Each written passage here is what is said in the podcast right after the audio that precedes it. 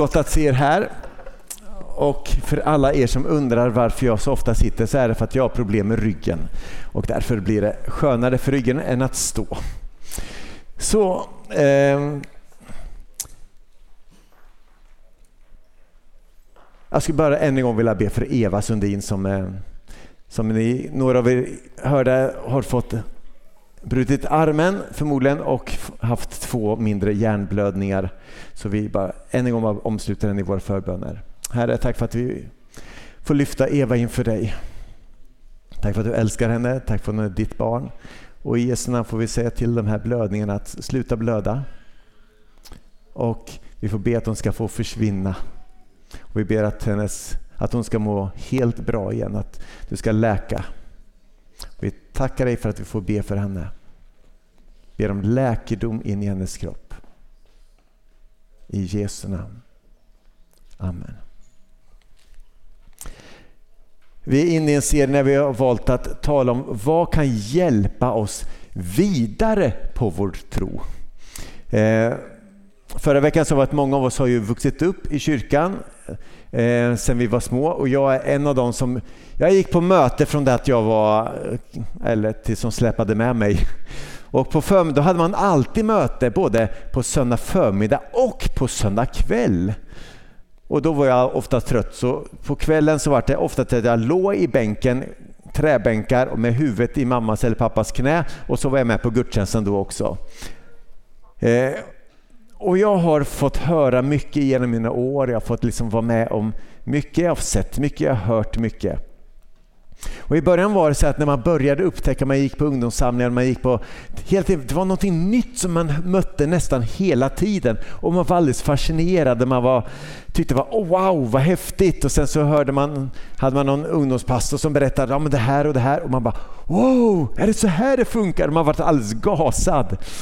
Eh, hela tiden så ploppade nya sanningar ur Bibelns sidor ut och man tyckte att wow, vad fantastiskt. Men så gick tiden även för mig och när jag läste Bibeln så var det mindre och mindre överraskningar. Jag ska inte räcka upp handen hur många som känner igen sig, men jag vet att det är många som känner igen sig. Man, man läser, det här har jag läst förut, det här har jag sett och så bläddrar man vidare för att jag vill hitta någonting som är nytt. Och jag frågar, är det någon som känner igen sig? Ja, några. Ärliga, modiga själar. Och det jag frestades med då, det var att, som jag tror många av oss gör, det är att jag tänkte så här att nu när jag inte ser någonting nytt och jag känner att min tro börjar stanna av, om jag bara hittar någonting nytt igen, då kommer nog min tro att fortsätta växa. Så jag behöver ha mer kunskap, jag behöver få höra mer. Så man åkte på konferenser, man gick på bibelstudier, man hörde och ibland så fick man höra någonting som är wow, yes, Fast ändå så gjorde det inte riktigt att tron tog den där farten igen. För det som får min tro att växa är inte mer kunskap, även om kunskap om Gud är bra. Det som får vår tro att växa, det är inte bara att höra utan att göra. Att ta det jag har hört och göra någonting av det. Att ta det jag har fått och börja ge det vidare. Jag minns hur jag, eh, i Falun så hade vi två stycken killar. De är lite yngre än mig, så nu är de inte längre killar då, eh, får jag erkänna. Men de är Johan och Mikael. De är, då var de i 35-årsåldern ungefär och de, hade, de sa det ungefär att ja, men vi har vuxit upp i kyrkan och vi blir inte utmanade längre och vi vill Oh, vi vet inte riktigt. De var sporadiska på gudstjänster. De eh, var mitt i småbarnsår, jobb, familj och började liksom hitta andra intressen. Och sen så bestämde sig, det var jag tror Micke som sa så här att Johan, ska vi, ska vi haka på och gå en alfakurs? Ja, men det, kan, det kan väl inte skada? Så Johan och Micke gick på, började gå på en alfakurs. Och någonting hände i deras liv och med deras tro. Helt plötsligt fick de sitta i en, i en samling och de fick börja dela med sig och ge av vad de hade fått. Och så såg de vad det här gjorde i de andras liv. När de satt och liksom fick dela med sig av tron och helt plötsligt så såg de att det, liv förvandlas ju genom det jag får vara med och ge ut. Och jag tror inte att under flera år sedan, jag tror knappt att de missade en enda gudstjänst. Därför att de var så hungriga, de var så längtansfulla, de var alltid med, liksom, de ville ofta ha förbön. De var så delaktiga för att de hade upptäckt att jag kan få vara med och ge. Och jag, det var precis som att de togs tillbaks till den här första kärleken till Jesus. Och ibland så är det enda sättet att komma vidare på vår väg, det är att gå tillbaka till korset. I söndags så hade vi en eh, hade söndags kvällsbön och, eh, och då gjorde vi så att i precis slutet, vi var tror jag, 11 stycken här, och i slutet så gick vi fram alla här och sen så böjde vi knä inför korset. Och vi gjorde som en profetisk handling och vi sa så här att, att vi vill att att korset ska vara i centrum av våra liv. Och vi vill att det här korset att det ska, det ska få vara det som vi böjer oss under och återvänder till och säger att Jesus, du är vår Herre. Så vi böjde knä där och vi bekände Jesus som Herre över våra liv, men också Jesus som Herre över vår församling. Och det har varit, det har varit en jättestark stund att få vara med och böja knä och bekänna, göra den bekännelsen. Och ända sedan dess har det ringt en sång i mitt hjärta, eller i mitt sinne, eller vad säger man? Ja. Jag har tänkt på en sång sedan dess. Eh, en gammal sång av Andy Crouch. Take me back. Den sjöng vi min, i min, eh, när jag var, var med i ungdomskör och den var jättepoppis då. Så förra veckan så talade vi om, eh, om Jesu dop. Eh, jag vet inte om ni kan tänka er in i situationen. Han hade precis döpts av hans kusin och sen så började det tisslas och tasslas bland folket och några, någon börjar peka upp. Och sen så ser den där, är det ett moln eller vad är det för någonting? För någonting vitt rörde sig. Och det var en, som en moln eller som en duva som mer ut som, som sänkte sig och landade över den där killen som är i vattnet. Och så plötsligt så hörs en röst från himlen som säger, och det bara ekar över Jordandalen, du är min älskade son. Du är min utvalde. Och jag tänker, hade man varit där så hade det nog varit lite alldeles speciellt. En röst från himlen och liksom en, en duva som sänker sig ner. Vilken förväntan det måste ha varit på denna liksom, älskade son. Vad ska hända nu? Jag vet inte om det, jag tror nästan inte någon av oss varit med om någon sån grej.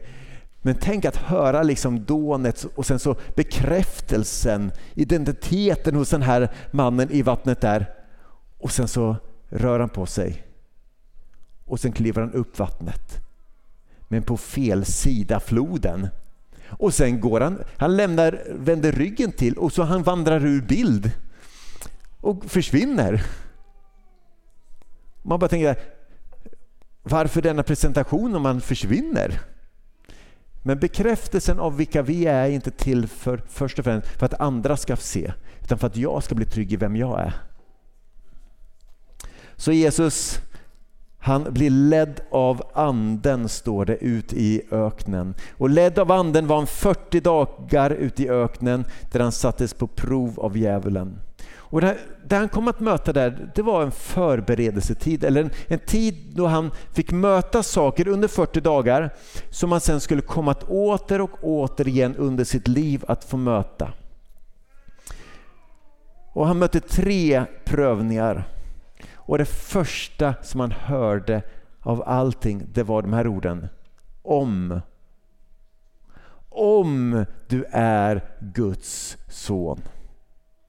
Precis, Jesus, Gud hade precis med dånande röst sagt att, att, du är min älskade son. Och det första som, han, som ifrågasattes var att om du är Guds son. Djävulen är alltid ute efter att få oss att tvivla på vilka vi är.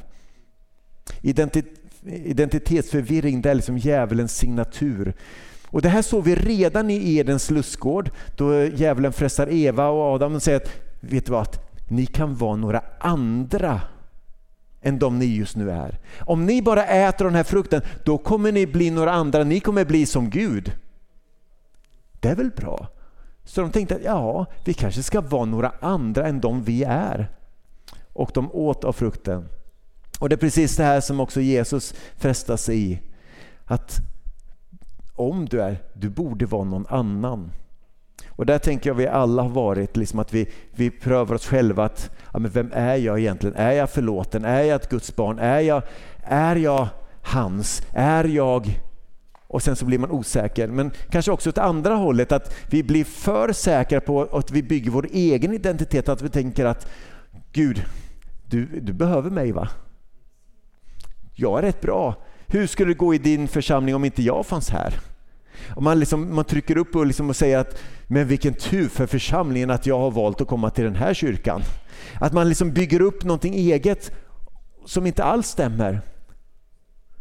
Därför att vi behöver få Guds ögon på vilka vi är. De tre frestelserna som Jesus gick igenom, det var som en förberedelse, eller som en, det har varit en tid av prövning och förberedelse för honom, för det han skulle komma att möta. För oss är nog inte det vanliga att vi, när vi, eh, så var det inte för mig i alla fall när jag var tio år var gammal, att, att helt plötsligt så drog anden ut mig ut i skogen i 40 dagar. Kanske någon annan erfarenhet men jag skulle inte tro det. Men så var det för Jesus. Men för mig och för oss är det mycket mer så att, att vi vandrar och helt plötsligt befinner vi oss i en prövning. Helt plötsligt så vandrar vi och helt plötsligt undrar vi, hur hamnar jag här? Och sen så hör man de här, om du är. Och så hör man den här frestelsen och så tänker man att oj, man är inte riktigt beredd på det.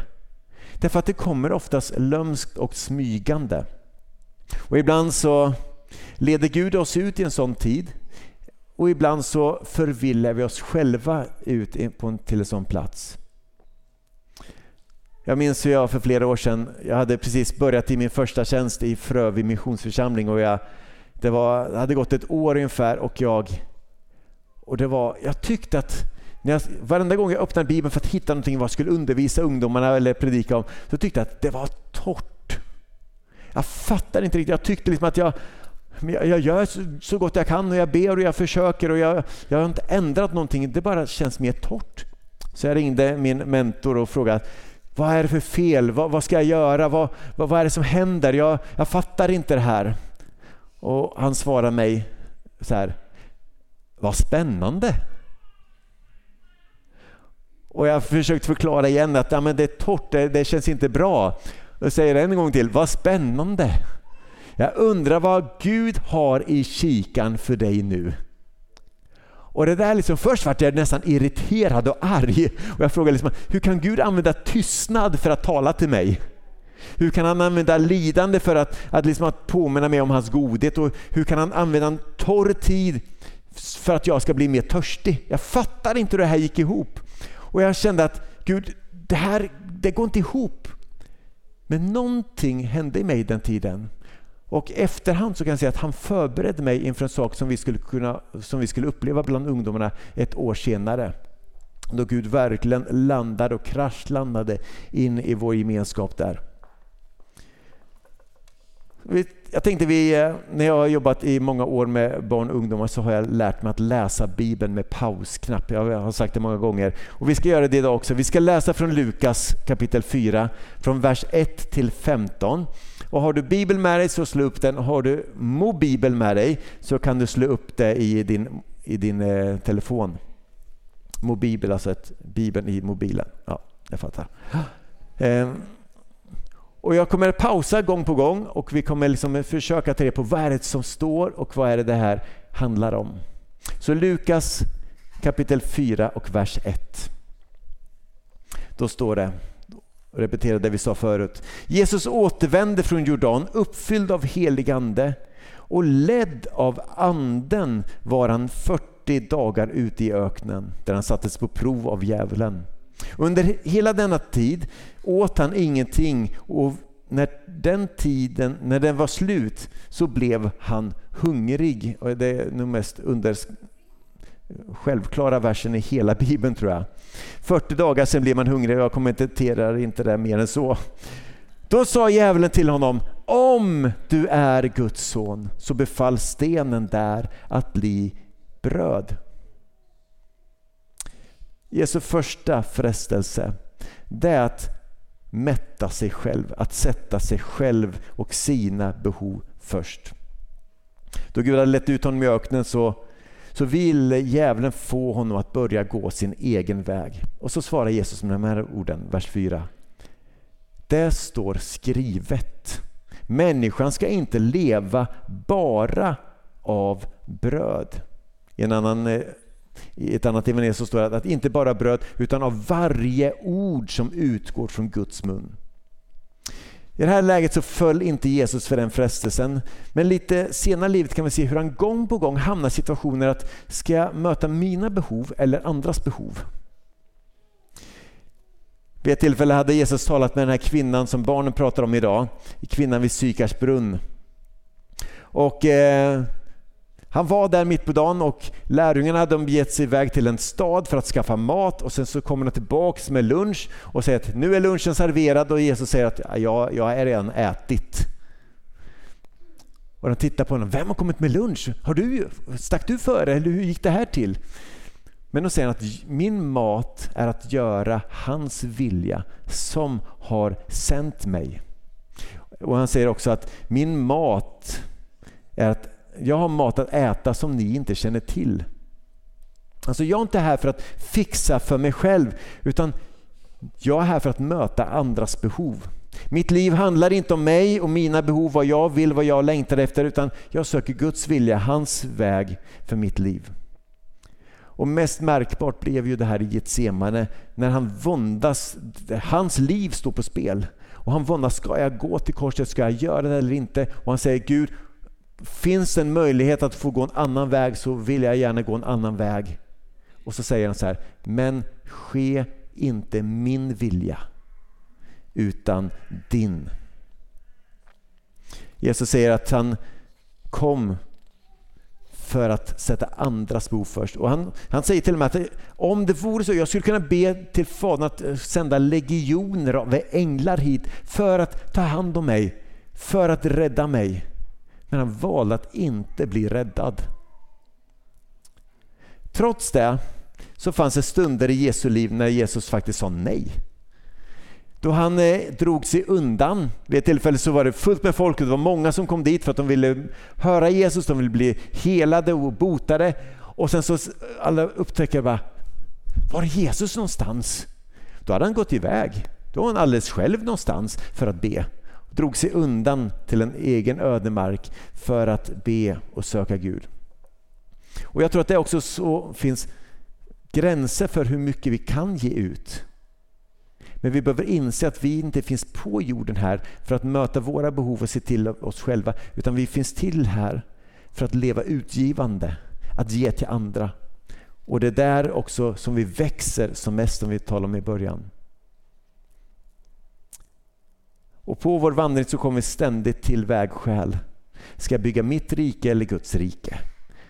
Och det är sällan uppenbart, för ofta så är frestelserna ganska lömska. Paulus säger i Fesbrevet kapitel 6 att, att se upp för djävulens lömska angrepp. Alltså det är inte så uppenbart. Det kommer nästlas in och helt plötsligt så kommer frestelsen vara där och du kommer inte märka att den ens har kommit, liksom smugit sig på dig för att det är lömskt. Men märkte ni att Jesus svarade när, när djävulen frestade honom? Han svarade med att citera ett Guds ord. Han sa, det står skrivet. Han började inte resonera och argumentera och föra logiska resonemang med djävulen som Eva gjorde när hon frestades i lustgården. Då var det, ja kanske, ja men nej men så var det inte utan det var nog så här. Så började hon resonera. Men Jesus svarade, det står skrivet. Och när vi vet vad Gud har sagt och när vi känner till den här boken och vi lever efter den så får vi mycket lättare att stå emot frestelser i våra liv. Den andra frestelsen, vers 5. Djävulen förde honom högt upp och lät honom i ett ögonblick se alla riken i världen och sa till honom, jag ska ge dig all denna makt och härlighet. Ty den har lagts i mina händer och jag kan ge den åt vem jag vill. Om du tillber mig så ska allt detta bli ditt. Det andra som Jesus frestas i är att han blir erbjuden makt, position. Det här kan bli ditt. Jag minns när det, jag var ju, innan jag flyttade hit så jobbade jag som barn och ungdomspastor i, i alla år. Och så kom man till pastorsdagar och jag vet inte hur många gånger jag fått höra liksom att, när de frågat ja, var är du någonstans nu? Ja, jag är kvar i Falun. Är du fortfarande barn och ungdomspastor? Ja. När ska du bli föreståndare då? Ja, men jag är jättenöjd. Och det var liksom att det var så klart man vill vara någonting annat än det man är och man vill självklart att man vill liksom klättra upp vad som alla tyckte men jag var jättenöjd. Och jag hade inte flyttat om inte Gud hade tvingat mig. För jag var nöjd. Jag var tacksam att få göra det jag gjorde. När Jesus klev ner från himlen för att tjäna så så var det inte för att jag ska komma hit och ni ska få se min sann vem jag är och nu min sann så ska ni få, få liksom reda på hur Gud ser på er. Egentligen var det det han gjorde fast med en helt annan attityd. Jag kommer ner för att ni ska få se hur Gud ser på er. Han kom som en tjänare. Och Gud skapar inte ledare, han befordrar tjänare till ledarskap. Men för Jesus var det här faktiskt en verklig frestelse. Därför att det Jesus egentligen kom för att göra var ju att dö på kors för att få all makt och härlighet. Det är det här som han kom hit för. Och sen erbjuds han nu en genväg att få allt detta utan att behöva gå till korset. Han hade en förrättelse ska jag ta emot det här? Det fanns bara ett krux, att han behövde böja knä för djävulen och tillbe honom. Det innebär att han ytterst inte skulle vara den med all makt och härlighet därför att det fanns någon som han hade böjt sig under. Så Jesus fortsatte att tjäna. Han föll inte för frestelsen utan svarar så här. Det står skrivet. Herren din Gud skall du tillbe och endast honom ska du söka. Att söka makt, position, erkännande, respekt, att få vilja glänsa i alla människors beundran, det är en frestelse som vi alla står inför. Jag hörde om en god vän här som eh, är bra på sitt jobb och många gånger har hon blivit erbjuden en befordran att bli chef, att få göra karriär, att klättra. Men hon brukar svara att ja, men jag är rätt nöjd som det är. Jag har familj, jag har hem och hus och barn och ja, men jag är nöjd. Jag vill inte bli chef. Och det blir ganska konstigt för en del som att, men hallå där, varför vill du inte? Nej men jag är nöjd. Att inse var Gud vill ha mig och vara nöjd där Gud vill ha mig och tänka att det är här som är bästa platsen. Och för Jesus var det bästa platsen för honom det att vara en tjänare. Den bästa platsen för Jesus det var att lägga ner sitt liv för andras skull. För om motivet är att vi ska få anseende, respekt och makt, då är det nog en villoläge villoväg och Jesus sa till sina lärjungar så här att den som vill bli stor ibland er ska vara de andras slav eller tjänare. Och så säger han om sig själv, inte ens människosonen, jag har alltså inte kommit hit för att bli tjänad utan för att tjäna och ge mitt liv till lösen för många. Och Jag tänker att det här är en frestelse som också många församlingar står inför.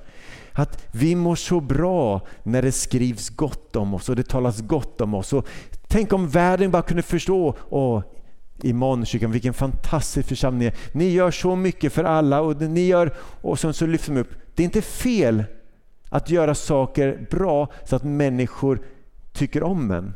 Det är inte fel att göra gott men om vi gör gott i syfte för att, ja men tänk vad de då ska skriva. Tänk vad de då ska säga. Därför att det finns en frestelse att vi kommer till ett läge när, vi, när det öppnas en dörr för oss att kliva in igenom. Men det blir på bekostnad av att vi måste böja oss under någonting annat än Jesus. Att ta bort någonting från ordet. Att glida ut åt sidan bara för att de ska tycka om mig eller om oss. Det tredje, så kom då djävulen förde honom till Jerusalem, det vill säga huvudstaden och ställde honom högst uppe på tempelmuren. Och för att vi ska bara få bilden här att tempelplatsen var den plats som var mest befolkat av alla platser i Jerusalem. Det var liksom centrum av city. Det var så, så, mer, mer centralt än så kunde man inte komma i Jerusalem. Det var där liksom det rörde sig. Och sen så säger då djävulen så här att om du är Guds son så kasta dig ner härifrån. Det står ju skrivet, och nu citerar även djävulen Bibeln. Han ska befalla sina änglar att skydda dig. också. lägger han till ett till bibelord. De ska bära dig på sina händer så att du inte stöter foten mot någon sten. Och tänk om alla där, alla överstepräster, alla präster, alla folk som var där för att tillbe, alla folk som var där för att be till Gud, fick se Jesus slänga sig ner från den högsta muren. Och sen så kommer änglar fram och fångar upp honom. Alltså vilken, vilken presentation! Han skulle liksom bara kunna glänsa in där. Ja, nu är jag här, det är lugnt, jag är här nu, det ordnar sig. Det var jobbigt förut men nu är jag här. Jesus han prövas och frestas att bevisa vem han är. Att visa att jag min sann kan, att jag min sann är någon. Jag min sann. Tänk om alla kunde se mig. Men Jesus valde en annan väg. Han var i Jerusalem. Han var högt upp. Men inte på någon tempelmur utan på ett kors. Och när folk tittade upp på honom så sa man inte ”Wow!” utan man vände bort huvudet när man såg honom. Det var den vägen som han gick. Det var hans väg. Folk såg honom men vände sig bort. Folk som gick förbi såg honom blodig, slagen och förnedrad. Man spottade på honom och så sa man andra har du hjälpt. Hjälp nu dig själv. Men på den frestelsen så svarade Jesus så här. Det heter, du ska inte sätta Herren din Gud på prov. Och ytterst måste vi inse att våra liv handlar inte om att jag ska göra mitt eget namn, att jag ska förverkliga mig själv, att jag ska nå min fulla potential. För det är en frestelse. Ja, men titta på Jesus. Gud själv. All makt i himlen och på jorden var given honom. Han skulle kunna ha gjort så mycket mer. Men han gjorde det som Fadern hade sagt åt honom att göra. Och det var där det stannade. Jesus nådde inte då upp till sin fulla potential med sitt liv. Han skulle kunna ha gjort så mycket mer. Men han gjorde det som Fadern ville. Och han var nöjd där. Det finns någonting i oss alla att vi minsann vill visa vem vi är. Sociala medier bygger upp den där liksom, att vi ska visa för andra vad jag har gjort. Vad jag har lyckats med, vad jag har gjort, vad jag har Titta nu på mig, gilla, bekräfta, kommentera mig. Så att jag känner att ja minsann, jag är nog rätt bra. Men Gud längtar efter att få tala in i våra liv så att jag bekräftar dig. Jag ser dig, jag gillar dig, jag kan kommentera dig om det skulle vara så, om du nu vill det. Men vet ni att det är där vi borde hitta vår största bekräftelse. Vi är hungriga och törstiga efter bekräftelse. Men Jesus sa att saliga de som hungrar och törstar efter rättfärdighet. De ska bli mättade. Världen ropar att jag måste visa att jag är någon och Gud ropar du är någon, du är min dotter, du är min son. Och så står det då vers 13. När djävulen hade prövat honom på alla sätt lämnade han honom. Tre ord till va? För en tid. I'll be back. Ja. Frestelserna kommer tillbaka i olika former, i olika tider, men de kommer där. Och under vår vandring med Jesus så kommer vi att möta frestelser längs hela vägen. Och vid ett tillfälle så var Jesus tillsammans med sina bästa vänner och han, han var där med dem och han sa att Hörni, det här, jag är på väg till Jerusalem. Jag ska lida och jag ska dö. Och Petrus bara, nej men inte ska du dö.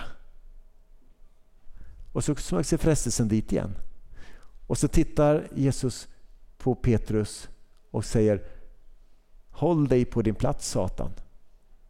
För du vill få mig på fall. Dina tankar är inte Guds tankar utan människors tankar. Alltså snacka om att Petrus måste känt att det här var inte bra för mitt rykte. Ändå är Petrus den som lyftes upp, som skulle leda de andra. Så även om vi faller för frestelsen och även om vi råkar fresta andra så finns det alltid en väg tillbaka. Så när djävulen hade testat honom, prövat honom eh, och lämnade honom i fred för en tid så kommer sen frestelsen tillbaka. Men det bästa sättet, det bästa skyddet, det är att vara ledd av Anden, att vara fylld av Guds ord.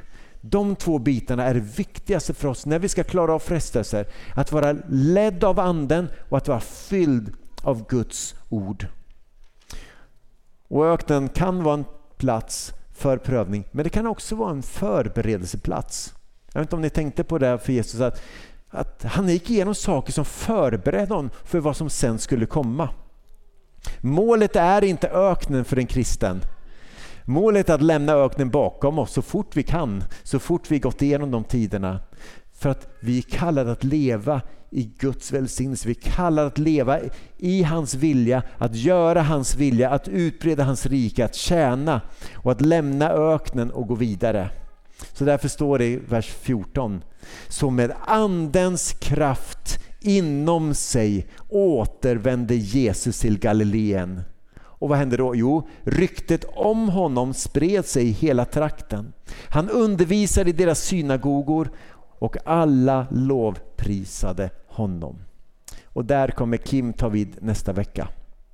Men för mig finns en bild som har ofta hjälpt mig när jag har tänkt på såna här ökenperioder. Det är den bilden av ett olivträd. Det sägs att ett olivträd i Mellanöstern, att, att för att det ska bli starkt och liksom kunna få bära mycket frukt så behöver det uppleva torka. När, när judarna fick komma tillbaka till Israel år 48 och fick tillbaka landet så, så började de, det var väldigt mycket ödemark, så de började odla upp. Och bland annat så sa de att vi ska ha olivlundar och vi ska exportera oliver. Men de hade problem i början därför att olivträden tar för det första lång tid på sig att börja ge frukt. Men de vart inte så bra. Och de insåg att de behövde lära sig av folket som fanns där. Därför att de hade bevattnat, de hade bevattningssystem och de hade bevattningskanaler så att det alltid var fuktigt i marken. Och olivträdets rötter vart ytliga. Då fick de ändra strategi och de lät olivträden torka ut emellanåt. Och det som hände då det var att rötterna började rikta sig neråt. Neråt där fukten fanns, där vattnet fanns nere. Så olivträden fick, när, när det var torra år så trängdes deras, deras rötter ner och helt plötsligt började de, började de bära frukt. Så länge det är fuktigt i marken så är, blir våra rötter ytliga.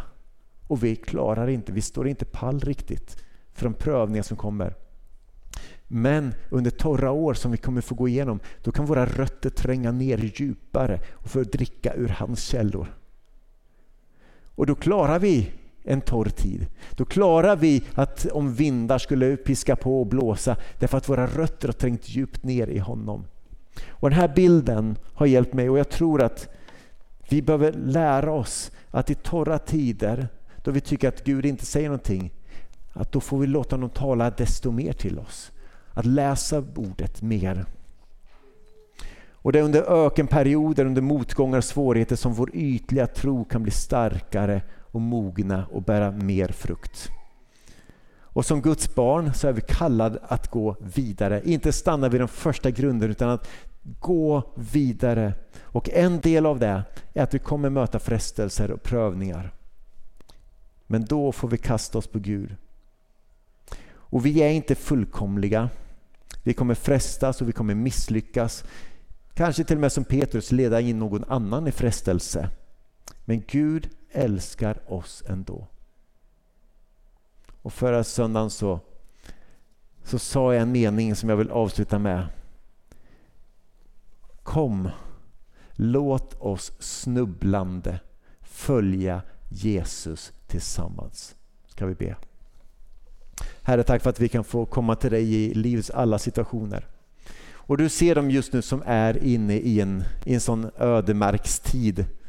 Där, eh, där det inte längre finns någon fukt i marken. Alltså, ja, vi får inte dricka oss liksom otörstiga utan att vi inser bara att ja, mina rötter måste tränga djupare ner nu. Och tack Herre för att du vill låta oss få göra det. Tack för sådana tider då vår tro får mogna, då vår tro får bli djupare, då vår tro får växa, vår tro får bli fastare och mer stabil. Herre, låt det få ske oss. Och du ser de av oss som är inne i en sån period där, där vi känner att ah, men jag borde egentligen ta fram ditt ord, men jag känner att det är inga nyheter. Men Gud, låt oss mata oss med ditt ord, för att vi vet att ditt ord är sant och ditt ord är levande och verksamt och ditt ord förvandlar liv. Och här är vi, du ser de också av oss som behöver komma tillbaka till korset. Att behöver gå tillbaka till den plats där vi först började tro. Där vi har kanske vandrat bort ifrån skuggan från ditt kors och istället för vill glänsa oss i vår egen sol. Men Herre, ta oss tillbaka till korset. Och tack för att du där finns och vill möta oss. Och Herre, ge, ge att dricka till den som är törstig idag.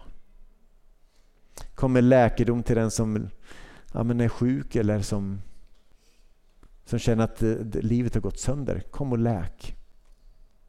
De som känner oro för morgondagen, som känner eh, orolig, oroliga, rädd. Herre, tack för att du får komma med din egen frid.